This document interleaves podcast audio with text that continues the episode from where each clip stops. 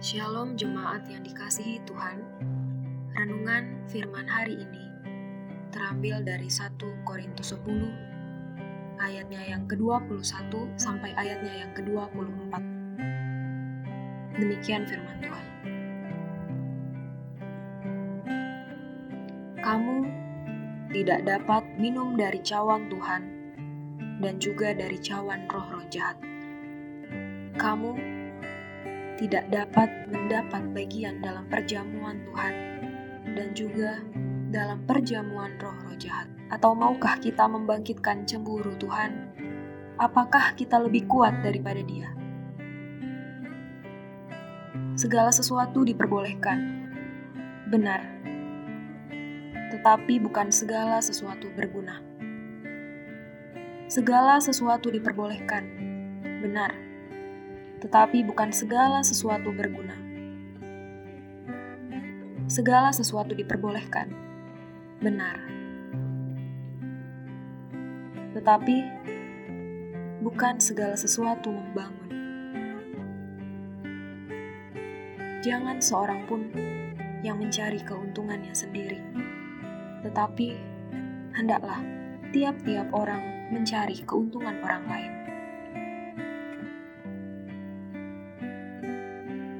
Demikian pembacaan firman Tuhan. Perikop 1 Korintus 10 ayat 21 sampai ayat 24 dilatar belakangi oleh kondisi kota Korintus sebagai kota metropolitan pada zaman. Lalu dikenal dengan gaya hidup masyarakat yang bebas. Karena ada banyak dosa-dosa dunia yang terjadi di kota tersebut.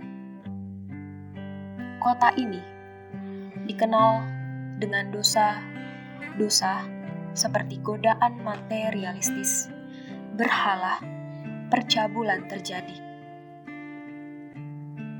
Jemaat Korintus terjerat oleh dosa tersebut. Dan tentu saja, hidup jemaat Korintus sudah melawan kekudusan Allah dan tidak mengenal Kristus Yesus. Di sisi lain, Jemaat Korintus adalah jemaat yang sudah percaya kepada Kristus dan sudah dipanggil menjadi orang-orang kudus. Namun, jemaat Korintus mendua hati dari Tuhan. Maka dari itu, Rasul Paulus dengan tegas menasihati jemaat Korintus untuk menjauhi penyembahan berhala dan menjauhi dosa-dosa yang dilakukan oleh jemaat Korintus pada zaman itu. Keadaan jemaat di kota Korintus kadang terjadi bagi kita pribadi lepas pribadi. Terkadang kita jatuh dalam dosa, mendukakan hati Tuhan. Kita mendua hati dari Tuhan. Kita tidak menjadikan dia menjadi prioritas utama di dalam hidup kita. Kita tidak menjadikan dia satu-satunya Tuhan dalam hidup kita. Masih ada berhala-berhala lain di dalam hidup kita. Namun, kita sudah menyadari bahwa kita memiliki status sebagai anak Tuhan Status anak Tuhan yaitu seseorang yang sudah diselamatkan Tuhan oleh pengorbanannya di kayu salib. Seharusnya status kita yang menjadi anak Tuhan adalah menjadi alatnya untuk menyatakan kasihnya, menyatakan kemuliaannya, kemurahannya bagi dunia ini. Sudah seharusnya hidup kita meresponi karya keselamatan yang sudah dilakukan Yesus Kristus, lakukan di kayu salib.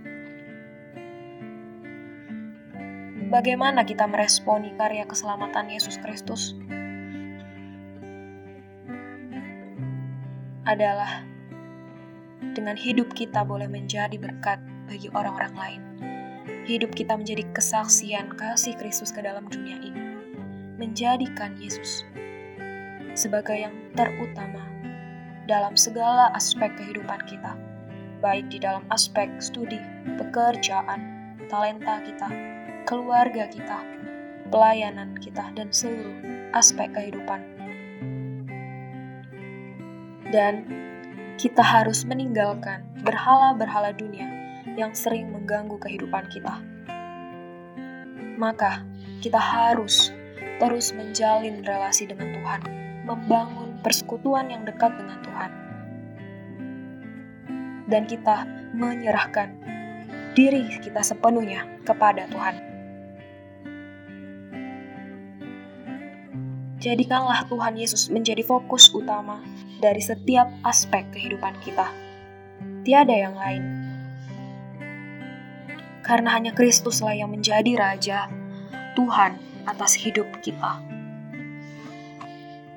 Seperti yang tertulis dalam 1 Petrus 2 ayat 9 sampai 10 berkata, Firman Tuhan berkata, Tetapi kamulah bangsa yang terpilih, imamat yang rajani, bangsa yang kudus, umat kepunyaan Allah sendiri supaya kamu memberitakan perbuatan-perbuatan yang besar dari Dia, yang telah memanggil kamu keluar dari kegelapan kepada terangnya yang ajaib. Kamu yang dahulu bukan umat Allah, tetapi yang sekarang telah menjadi umatnya. Yang dahulu tidak dikasihani, tetapi yang sekarang telah beroleh belas kasihan. Amin. Demikianlah firman Tuhan.